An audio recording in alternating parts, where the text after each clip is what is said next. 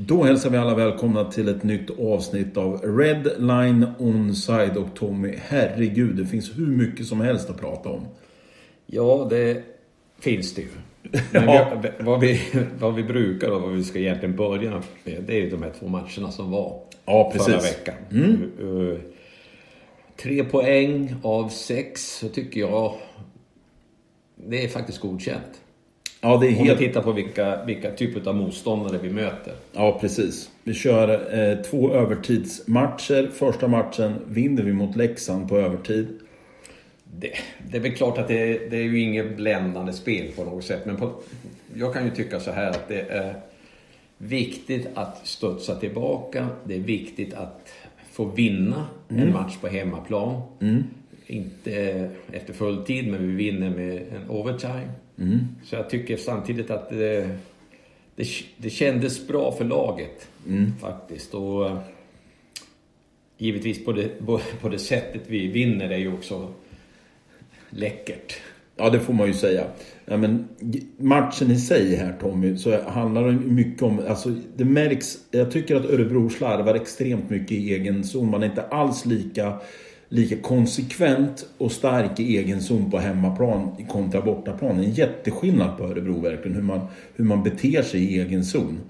Här tycker jag liksom att vi tillåter Leksand att göra alldeles för mycket. Men det, det är också lite grann att vi knackar ju inte puck så mycket på hemmaplan. Alltså vi spelar inte så mycket säkert och enkelt på hemmaplan som vi gör faktiskt på bortaplan. Nej? Eh, vi blir av med pucken i många gånger i utgångar i vår egen zon. Vi transporterar pucken och vi blir av med den. Vi får liksom inte igång spelet liksom. Nej. Utan... Eh, Och sen är vi ju i Leksandsmatchen så är vi ju väldigt Vi är ju väldigt mycket kring sargerna. Vi kommer ju väldigt sällan in mot mål och hotar dem i offensiv zon heller. Vi är ju runt, runt, runt sargerna men nästan aldrig in mot mål. Det är ju det här som är så svårt i SHL också. Det är liksom, det är inte bara vi som inte klarar av att komma in i slottet. Nej. Det är ju... Leksand, Leksand kommer ju inte in i slottet hos oss heller så Nej. jäkla mycket. Nej, samtliga lag är ju defensivt otroligt skickliga på att hålla sina spelare på utsidan hela tiden. Och det handlar ju liksom om att ha rejält med kvalitet. Och vad, vad är det som gör att liksom Leksand gör 1-0? Det är ju ett rent misstag bara utav Lekkerimäki här som, som gör att de får ett mål här. Annars hade de aldrig fått en kasse i den här matchen. Nej, nej. Det känns, för, på något annat sätt så känns det som att liksom eh, målvaktsspelet stabilt bra. Inga problem överhuvudtaget. Eh, alltså efter 18 sekunder så i overtimen också så är det ju ett fantastiskt fint pass utav eh, Rissanen med, med farten för Lekkerimäki. Och Det där målet som han gör, eh, det gav mig lite vibbar. Kommer du ihåg Palushaj? Hur han var? Exakt. Hur han lyfte, bara liksom bara lobbade in puckarna på, ö, över axlarna. Det här var lite en Palushaj. Ja men exakt. Det var väldigt snyggt. Ja, det var otroligt snyggt av Lekkerimäki. Och det, det här märks ju liksom att den här målskytten han är. Han hittar, ser ju målet hela tiden. En annan sak som, som också skedde i den här matchen, Mm. som också avgjorde det här lite grann. Det var ju det att slottet Äntligen var tillbaka. var tillbaka. Ja. Att, introt med slottet, jag förstår inte varför de inte har haft det borta. Kanske var på reparation ett halvår, jag vet hur, inte. hur tänkte man här? Man sopar upp en metallbåge bara och ställer in. Mm. Riktigt B. Och någon förklarar har vi aldrig fått eftersom jag ställt frågan några gånger. Nej. Men, men vad skönt att de var tillbaka och det innebär ju att den, det kan ju inte tas bort något mer. Nej, det där slottet måste vara där. Det är där vi ska åka in igenom. Ja, det är inget snack om det. Nej, de här två poängen var sköna. Riktigt bra. Sen, Mm. Sen- sen tänkte vi att nu blir det skräck. Nu ska vi till Karlstad på lördag. Exakt. Man får ju alltid den här känslan, inte får, men Färjestad är ju ett ruggigt bra hemmalag. Vi har haft jätteproblem i Karlstad genom åren, får man ju ändå säga. Ja, det har ju varit en och annan vinst, men vi har ju, överlag har vi ju haft det ganska tufft. Och det, vi har ju varit, och det har inte bara varit resultatmässigt. Vi har blivit bortspelade många gånger. Så är inte fallet i den här matchen. Nej, det här var... De första tio minuterna då tänkte jag herregud, kan vi spela på det här sättet? Ja, det är de bästa tio minuterna som jag tycker att vi har presterat i år faktiskt. Om man då tittar mot motståndet och vart vi är någonstans. Både i tabellen och en bortamatch mot, mot Färjestad i Karlstad. Fullsatt. det här är nog... Vi får säga att Frölunda brukar vara en mardrömsmotståndare och åka till Skandinavien. Men jag tror att det här är nästan en av de svåraste bortamatcherna man kan ha. Ja, det är det ju. Jag menar, Färjestad är ett otroligt starkt hemmalag. Det är inget snack om det. Men den, den glöden och den mm. fightingen och den skridskoåkning vi kom in med och den mm. checken. Va? Det var faktiskt riktigt, riktigt bra. Mm. 2-0 kvitterar vi, eller mm. tar vi så gärna så fort vi fick. Alltså det var, ja det var bra. Men sen är det ju synd här då på utvisningar vi tar. De kommer in i matchen.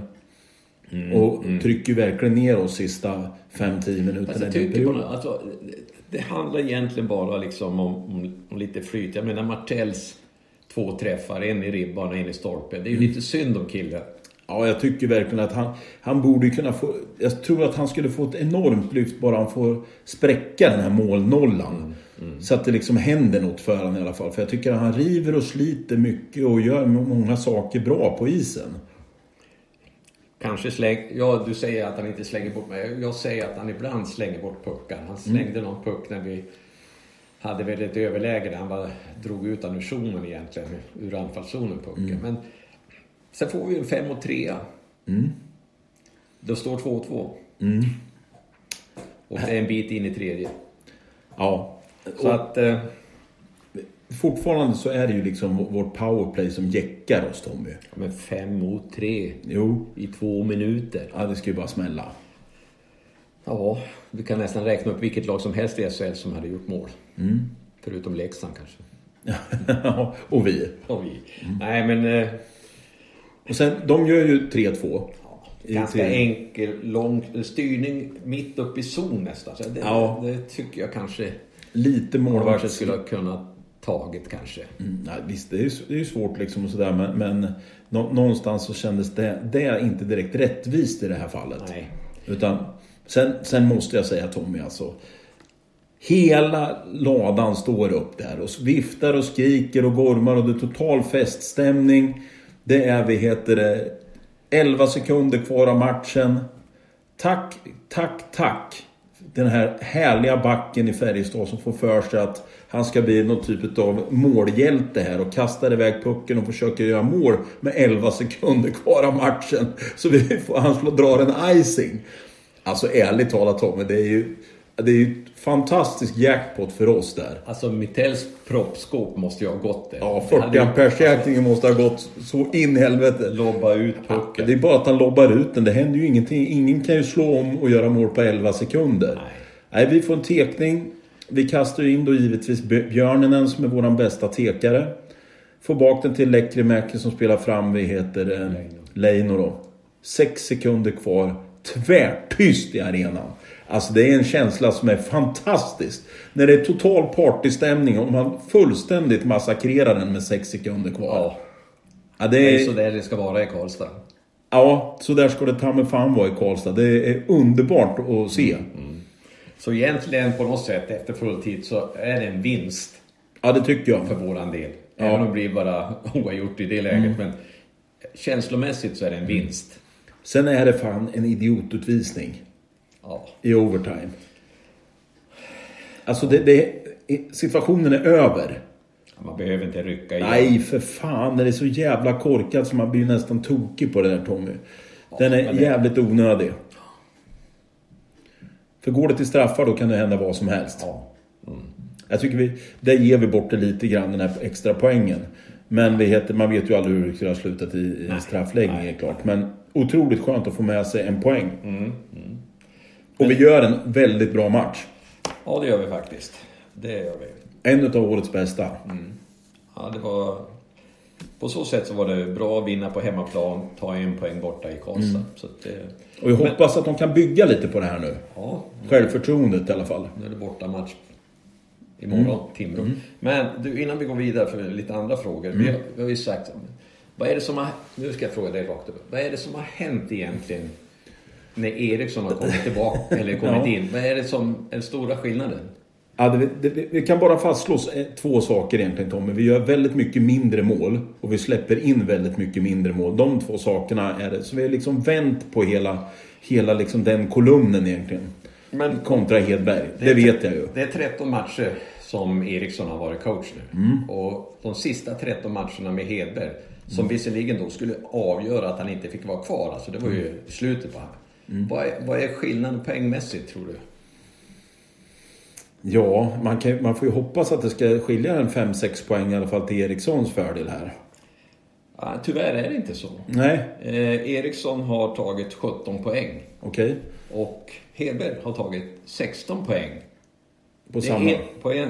Och eh, målskillnaden, om vi ska titta på den, så har Eriksson 18-25. 18 gjorda mål, 25 insläppta, minus 7. Hedberg 31-40. Minus 9. Det är två måls skillnad. Och det är en poängs skillnad mellan de här två. De 13 matcherna som har varit kontra de 13 sista med Hedberg. Ja, det, är, det är häpnadsväckande att det är så lite. Jag trodde faktiskt att det skulle vara ännu mer större skillnad, men det är det alltså inte. Nej, det är det inte. Nej. Men det vi kan fastslå när man tittar bara på siffrorna målmässigt här så gör vi ju eh, otroligt mycket mindre mål än med Hedberg. ja. Och vi släpper in väldigt mycket mindre än vad vi gjorde med Hedberg. Med Hedberg gjorde vi 13 mera mål framåt. Ja, Och med Eriksson har vi släppt in 15 mindre bakåt. ja. Inte Det, stor skillnad där heller egentligen. nej, det är inte jättestor skillnad. Men du vet att det som är lite skojigt också i det här läget att, att hur många skott, jag har tittat lite på skottstatistiken på, på de här 13 matcherna på respektive också. Det kan ju vara lite skott. skoj. Eh, Hedberg sköt vi 335 skott offensivt. Eh, 300, nej, 280 skott med Eriksson. Vi har släppt till, eller släppte till med Hedberg, 330, 330 skott defensivt. Och 305 skott defensivt med Eriksson. Så det är inte så, så jäkla stor skillnad. Så det, Nej, med tanke på att det bara är en poäng som skiljer. Det är ju i slutändan det vi spelar om. ja, Så att kontentan är ju väldigt liten skillnad rent liksom poängmässigt. och då, är, då kommer också frågan här. Vad var egentligen anledningen till att Hedberg skulle gå? Vad var det? Var det bara en känsla eller vad var det? Statistikmässigt så är det ju ingen skillnad än så länge. Nej, att någonting måste ha hänt i gruppen känns det som. Eller ja, om det är tränargruppen eller om det är spelargruppen som inte vill ha Hedberg kvar. Något kändes, känns det som att det skar sig där på något sätt. För att är det en poäng som skiljer, de 13, det är ändå ganska många matcher nu vi pratar om åt båda håll här då. Så är det ju väldigt lite vi har fått ut av det här tränarbytet. Ja. Det är fakta. En poängs skillnad. Ja, det är jag lite chockad över faktiskt. Det, det trodde jag inte att det skulle vara så lite. Men du, Det har hänt annat saker. det har hänt väldigt många andra saker och vi har ju en ny VD här.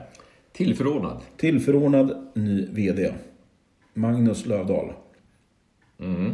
Med eh, bakgrund inom idrotten, Lillåns innebandydamer. Och Han har varit eh, Bofors IK, Hasper's Hockey, junioransvarig, Playbooks, initiativtagare i Örebro Hockey.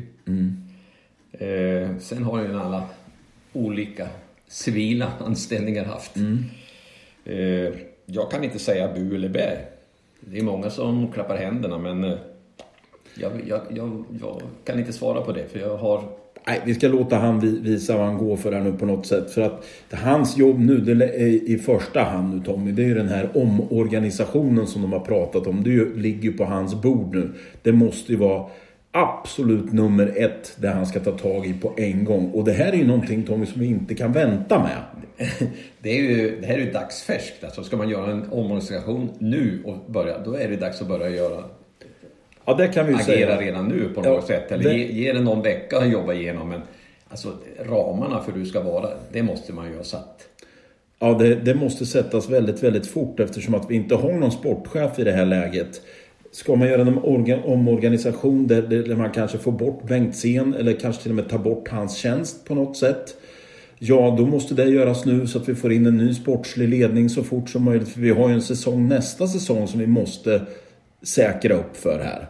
Annars kommer det bli Niklas Eriksson som själv kommer få sitta och rekrytera spelare inför nästa år. Och då vet vi hur bra det gick inför det här året. Det var ju bara förlängningar. Ja, Men jag tycker ju här, alltså som det ser ut just nu i tabellen, och, och det kan jag ju säga, att det, jag, jag är inte orolig på att vi ska ta de två sista platserna just nu. Nej.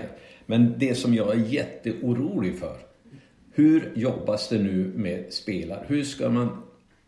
Har man kontakter? Hur mycket spelare har man pratat med? Har man 15-20 spelare? Vilken inriktning ska man ha? Hur ska... Ja, hur, hur, går arbetet nu inför nästa säsong? Det vi 100%, Vem sköter det? Ja, men det, vi, det vi är klara med nu Tommy, det är att Niklas Eriksson kommer ju vara trä- huvudtränare för Örebro nästa år. Ah, det, är inte, det är hugget i sten. Tycker du det? Ja, jag tycker, jag tycker så. Ja, eller tror du det? Nej, jag, alltså, nu, nu pratar jag vad jag tycker. Ja, men och- om vad man tycker är en sak, men vad, vad vi tror sker. Jag tror ju att han kommer vara huvudtränare nästa år. Därför att hur ska vi kunna sätta det på annat sätt? Och här sitter vi med lönekostnader nu. Ja, men om, om Niklas Eriksson ska fortsätta att vara tränare, vad är det för typ av, av hockey vi ska fortsätta spela? Ska vi spela den här typen av hockey där vi har väldigt dålig fantasi, vi har dålig kreativitet. Det är no, släng ner pucken, checka, ta upp pucken till backen, släng in pucken på mål, gå på returer. Alltså, vad, vad har vi för, för, för spel egentligen? Alltså, har vi... Ska vi spela den här äh, lite Ja, jag- halv... äh, jag spelet? Är det att, att rekrytera spelare till det? Nej, men jag menar, man tog ju någon typ utav, av beslut tidigare i alla fall. Att man inte ville ha kvar det här typen av spel. Det var ju därför man gjorde sig av med Niklas Eriksson och tog in Hedberg för att man ville ha en ny, ny, en ny spelidé, en ny playbook att spela efter. Man ville ha ett offensivare spel där vi skulle agera istället för reagera liksom. Att hela tiden vara den som för matcherna istället. Nu fick han aldrig chansen för vi liksom tog aldrig in spelare som, som hade den typen av profil. Utan vi tog in spelare som var perfekta efter Niklas Erikssons typ att spela ishockey efter och inte Hedbergs. Så han fick ju aldrig riktigt chansen här. Men om Niklas Eriksson ska vara den tränare som vi sitter med till nästa år, då kommer de ju rekrytera spelare ut efter det också. Efter den spelidé som är nu. Och den blir ju släng i sarg och, och hoppas på det bästa. Alltså fortsätter vi med det här typen av spelet och fortsätter vi med den här gruppen så är jag rädd att vi klarar inte av att hålla oss kvar nästa säsong. För Nej. har vi ingen framförhållning, har vi ingen som, som ser en potential att förändra det här och då är jag rädd att vi inte klarar oss kvar. Men för att kunna göra det i det här läget när vi, vi inte ens vet vem som ska sköta det, vi vet inte vem som ska eh, värma, men vi vet inte vem som scoutar. Det enda sättet för oss egentligen att kunna tänka oss att, att hålla oss kvar, det är att etablera, eller köpa etablerade spelare, fem, sex stycken etablerade spelare som kostar multum. Men det enda sättet på kort tid att försöka förstärka laget. Vi kan inte på lång sikt nu, när det ser ut så här, ta in spelare som ska växa in i gruppen, som ska anpassa sig. Som ska, utan vi måste då få in riktigt etablerade, bra spelare. För det är för kort tid nu, för det är ingen som har egentligen jobbat ordentligt för att se till så att den här truppen blir bra. Nej, och Tommy ska vi vara riktigt elaka och säga nu så, så tog vi in en etablerad spelare men han skulle också vaggas in i det hela och det fick sitta som trettonde forward. Ja, det är så skrattretande Alltså, så jag vet inte vart jag ska ta vägen där. Alltså jag har ju några andra saker. Alltså, vi tar in Martell. Martell kommer in som trettonde forward egentligen, numerärt, in i det här. Eh, Emil Larsson blir skadad den 15 februari, alltså samma kväll som fönstret stängs. Om man då inte tänker sig att vi kanske kan få någon skadad spelare. Har jag förberett att jag har, kanske får någon skadad spelare? Har jag gjort upp med någon spelare och gjort upp med någon klubb? Händer det, utifall det händer någon skada på slutet, kan vi snabbt skriva över honom då? Ja, vi har gjort överens, vi har kommit överens. Emil blir skadad. Våran GM jagar spelare halv tolv på natten för att troligtvis få in någonting. Har inte förberett det här agerandet. Nej, Inte varit förutseende. nej. nej är Vad så. säger man bara om en sån sak? Och det, jag, vi, ska fortsätta prata om det här med. Men vem... Vi har alla under alla år tidigare haft en namngiven tredje målvakt. Ja, men som slutet på säsongen. men som alla lag har. Ja, som Arntzen eller Enroth blir skadade. Om det skulle hända. Då har vi haft överskrivet en tredje målvakt kanske från något allsvenskt lag eller någonting. Vart är det då? Nu Ingen vi- som vet. Men vi har ställt frågan till och med till Örebro Hockey och vi fått svaret tillbaka att vi vet inte riktigt. den, är, den är ju bra Tommy. Ja, och det är det här som skrämmer mig, det här med framförhållning, kunna jobba framåt, sitta och prata med 10-15 spelare och göra dem intresserade av Örebro Hockey. Men Men en eftersom- strategi, det finns ingen. Nej, men då, vi kan ju säga så här i alla fall om vi skulle ta just den här målvaktsgrejen. Så eftersom att vi inte har en tredje målvakt namngiven så är den målvakten Herman Liv. Ja, det är ju målvakt. för den, be, J20. ja, för den behöver du inte namnge. Utan det kommer ju vara J20-målvakten som kommer vara där. Och det kommer vara Herman Liv som kommer vara våran tredje keeper ifall något händer. Men du, om vi går tillbaka till tillförordnad VD. nu. Eh, Magnus Löfdahl har ju bara en tidsanställning kan man säga. Ja. Någon gång i, om det var i sommar eller när det var så, Ja, så är han tillförordnad bara. under tid. Men sen har ju du lite uppgifter om vad som har pratats om. Som har blivit en... Ja, det har ju kommit, det har ju läckt ut, det har kommit en läcka här liksom om, om vem det är som de ska ha som, på tapeten som VD här. Och det är ju Janne Karlsson. Gamla ÖSK. Det blev tyst i luren. Det blev tyst i luren kan jag informera om när man, när man hörde det. det vart man, och det har vi hört från två olika håll. Så att eh, han är säkert en som de har på tapeten som VD. För det känns, det känns i ärlighetens namn eftersom att Magnus Lövdahl jobbar med omorganisationer och är ju en liksom erkänt duktig på det tydligen och har ju liksom konsultat om sådana här saker. Om omorganisationer. Så är han ditsatt för att just sköta den här omorganisationen nu. Sen tror inte jag att han kommer vara VD på sikt. Utan han kommer nog bara vara där för just den här omorganisationens skull. Däremot så vet det, tycker jag liksom att det här är någonting som han inte kan hålla på med på halvtid bara nu och ha sitt vanliga jobb vid sidan av. Utan det här krävs otroligt mycket tid och kraft för just nu att få ordning på. Han kan inte ha en omorganisation som man har för ett stort företag som tar månader. Det har inte vi tid med här. Nej. Och det spelar ingen roll om han kommer fram till att Bengtzén ska vara våran GM och sen att vi ska anställa en ny heter sportchef. Men vi kan inte hålla på och lalla runt i någon typ av ovisshet här i flera månader utan att veta hur den sitter. För det finns inte tid för en hockeyförening eftersom att rekryteringen av spelare inför nästa år är någonting som måste skötas nu. Inte i juni. Nej, men det, det är ju sånt där som, som sköts i stort sett nästan säsongen innan. Såklart. Alltså de här sakerna är ju igång redan från hösten här. Och det, det får man ju utgå ifrån här nu Tommy om att Bengtzén har hållit på med. Alltså så, man utgår ju från att en sport, eftersom att nu det är han som är den sportsliga ansvarige i Örebro eftersom att Niklas Eriksson står i båset. Så har vi ju ingen sportchef utan det måste vara men- Bengtzén som sköter dem. Och vilket utrymme har han för att förändra truppen? Han har ju inte någon utrymme för att göra... Han har två spelare som kommer att försvinna. Två forwards som försvinner. Om det nu är som det är. Det är Eklin och det är Lekkerimäki.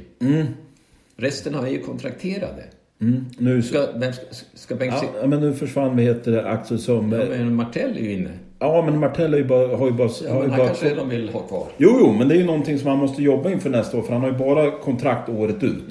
Det är ju inte inför nästa år. Så att han är ju inte klar på några, något sätt för oss nästa år. Men det här måste ju vi, heter det, Bengtzén ha jobbat med här nu, stenhårt. Hoppas vi. Ja, det Ja, Jag är ju livrädd för att han inte har gjort det, att det inte finns ett namn här klar. För att här har vi nu tagit in, det är ju nästa punkt här nu. Vi får ju säga vad vi vill, men vi har ju plockat in en junior ifrån Mora. Det har kommit ut att det kommit en junior. En 04 ifrån Mora, en norsk junior. Som spelar i Hockeyallsvenskan för dem. Det här, i mina ögon, måste vara den största jävla fuck-off till hela våran juniorverksamhet som Bengtzén håller på med. Han måste ha underkänt hela juniorverksamheten. För här har vi ju, vi kan ju räkna upp fem juniorer. Ja, och då är det här killar som egentligen har presterat, många av dem har presterat bättre än vad Noah Sten gjorde när han var junior. Jag menar, Melvin Fernström är 06. Du har Svante Sjödin som har varit inne och provat på lite grann. Alexander Zetterberg 06. Erik Nilsson 07. Elton Hermansson 08 som är bra. Kalle Karlsson 05 och sen har vi ju våran 07-backen Luka Radojovic. Ja.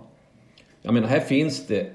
Det finns fantastiska bra killar. De är ju inte färdiga på något sätt. Men Att ta in en junior från Mora då, det är ju fullkomligt hål i huvudet. Hur fan tänker man här? Vi ska inte ta in några juniorer ifrån någon annan förening. Vi ska ta upp våra egna som är minst lika bra. Då ska vi, den enda junior som vi ska ta in, det är ju Läckerimäki-klass på dem då som verkligen tillför någonting till andra lag. Annars ska vi hålla på att ta upp våra egna.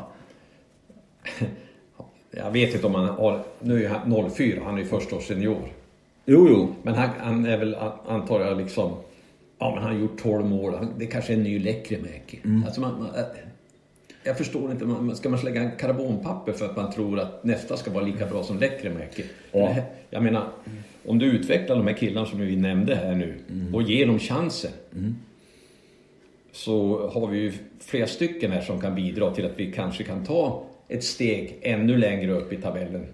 Såklart.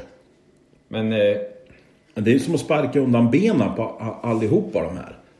Ja, här har du ju här har du Stefan Bengtzén och sen har du Hade jag varit... Lövdahl. Ja, Alltså hade- inte Mark, Magnus Lövdahl Nej. utan Henrik, Henrik. Lövdahl. Då hade jag varit skogstokig. Men hade jag varit Henrik Lövdahl här, då hade jag varit vansinnig nu.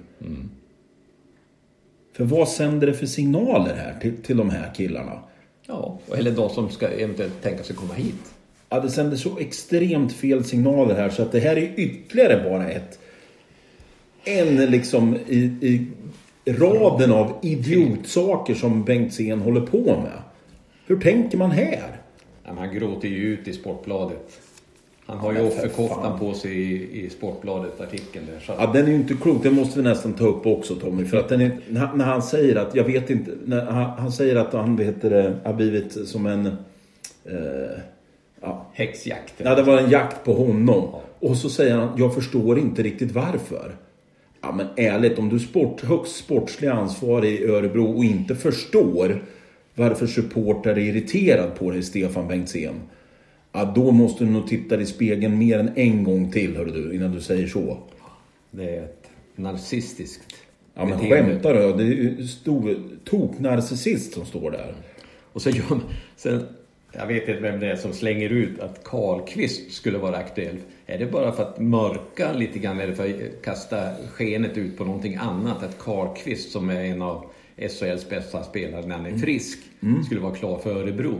Är det bara för att göra en cover-up för att det har varit lite för mycket annat negativt i klubben? Ja, alltså det känns ju extremt... Ja. Jag ska inte säga att det är märkligt att han går till just... Eller det är märkligt att han just skulle välja Örebro, så kan man ju säga. Det är ytterst märkligt. Med tanke på hans spelstil och Niklas Eriksson som tränare. Ja, den får jag inte riktigt ihop Nej. heller. Han är väl inte den som jobbar hårdast hemåt. Nej. Ja, Ja, vi hade en liten annan fundering också lite grann. Eh, varför eh, 14.3 hade bjudit in till möte Ja. till Players Lounge med, med Örebro Hockey. Och, eh, till min förvåning så ser jag nog foton som är från det mötet där Micke Johansson står i Örebro märkeströja och, och pratar inför gruppen. Jag tänkte, vad, vad fan har hänt nu? Är inte han, har han inte avgått? Eller har han inte fått sparken? Ja, det är ju fullkomligt obegripligt att han får stå och prata i egen sak där då, För att han är ju, har ju sparken från Örebro Hockey. Så han kan ju inte företräda föreningen Nej. när han har fått sparken. Nej. Han kan inte stå och företräda dem där. Utan han kan nog bara ge sin syn på saker och ting och säga det. Men det är ju Örebro Hockey som har arrangerat det här. Ja. Han ger ju inte Örebro Hockeys version varför han själv har fått gått. Utan han ger ju sin egen version varför han har fått avgått. Ja, precis. Det är fullkomligt hål i huvudet hur han kan få stå där. Alltså det, det, Örebro Hockey måste ju sätta ner foten. Han ska ju inte få stå och prata i ensak inför supporterklubben efter att han har fått sparken på ett möte som de själva arrangerar. Nej. Ja, det är fullkomligt... Ja, det, Obe- det, obegripliga saker som, som sker i den här föreningen som jag verkligen liksom, jag förstår inte hur man tänker här. ja, vi måste ju ta upp de här, för det här är ju funderingar som, som poppar upp i, i massa olika sammanhang när det gäller klubben just nu. Och jag kan ju bara konstatera det att eh, Stefan Bengtzén ska ju inte vara kvar. Det sa jag i förra podden också, jag understryker det nu. För det har varit absolut för mycket fel i den här klubben överhuvudtaget. Och sen är jag jätteorolig hur det kommer att bli framöver. Och det finns liksom ingen som talar om Uffe Rolén har ju stort förtroende, ja det kan jag förstå. Han kan ju inte säga någonting annat. Nej. Vem är det som sköter det? Jo, det är Niklas Eriksson och Stefan Bengtzén som sköter spelarförvärven och alltihop det nu. Och det gör mig otroligt orolig. Så att... Eh, jag vet inte om... Det, det är nog nästan mera det här än, än matcherna som, som bekymrar mig. Ja, för den här säsongen känns som det är... Jag ska inte säga att säsongen är över. Men vi heter det... Vi, det känns ju inte som att vi kommer ta oss någonstans i ett slutspel, Tommy, här.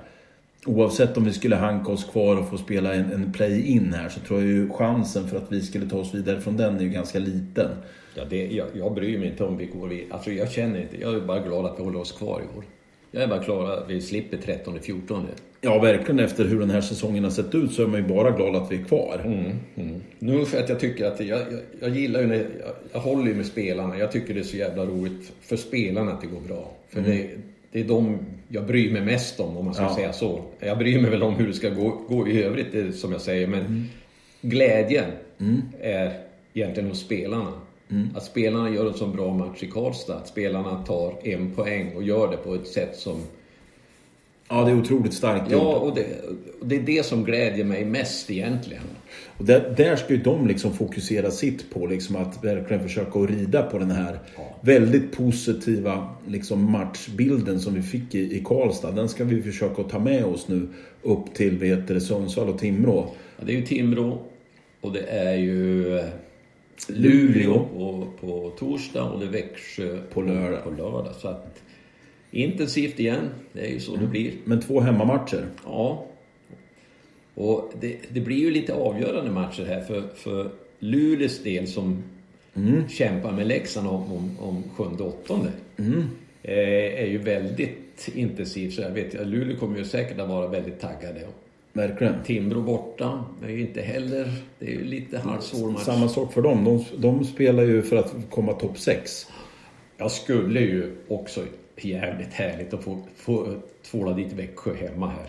Ja, det hade varit en riktigt snygg fjäder i hatten. Ja, ja det, hade, alltså det hade känts riktigt bra. Och... Ja, nio poäng den här...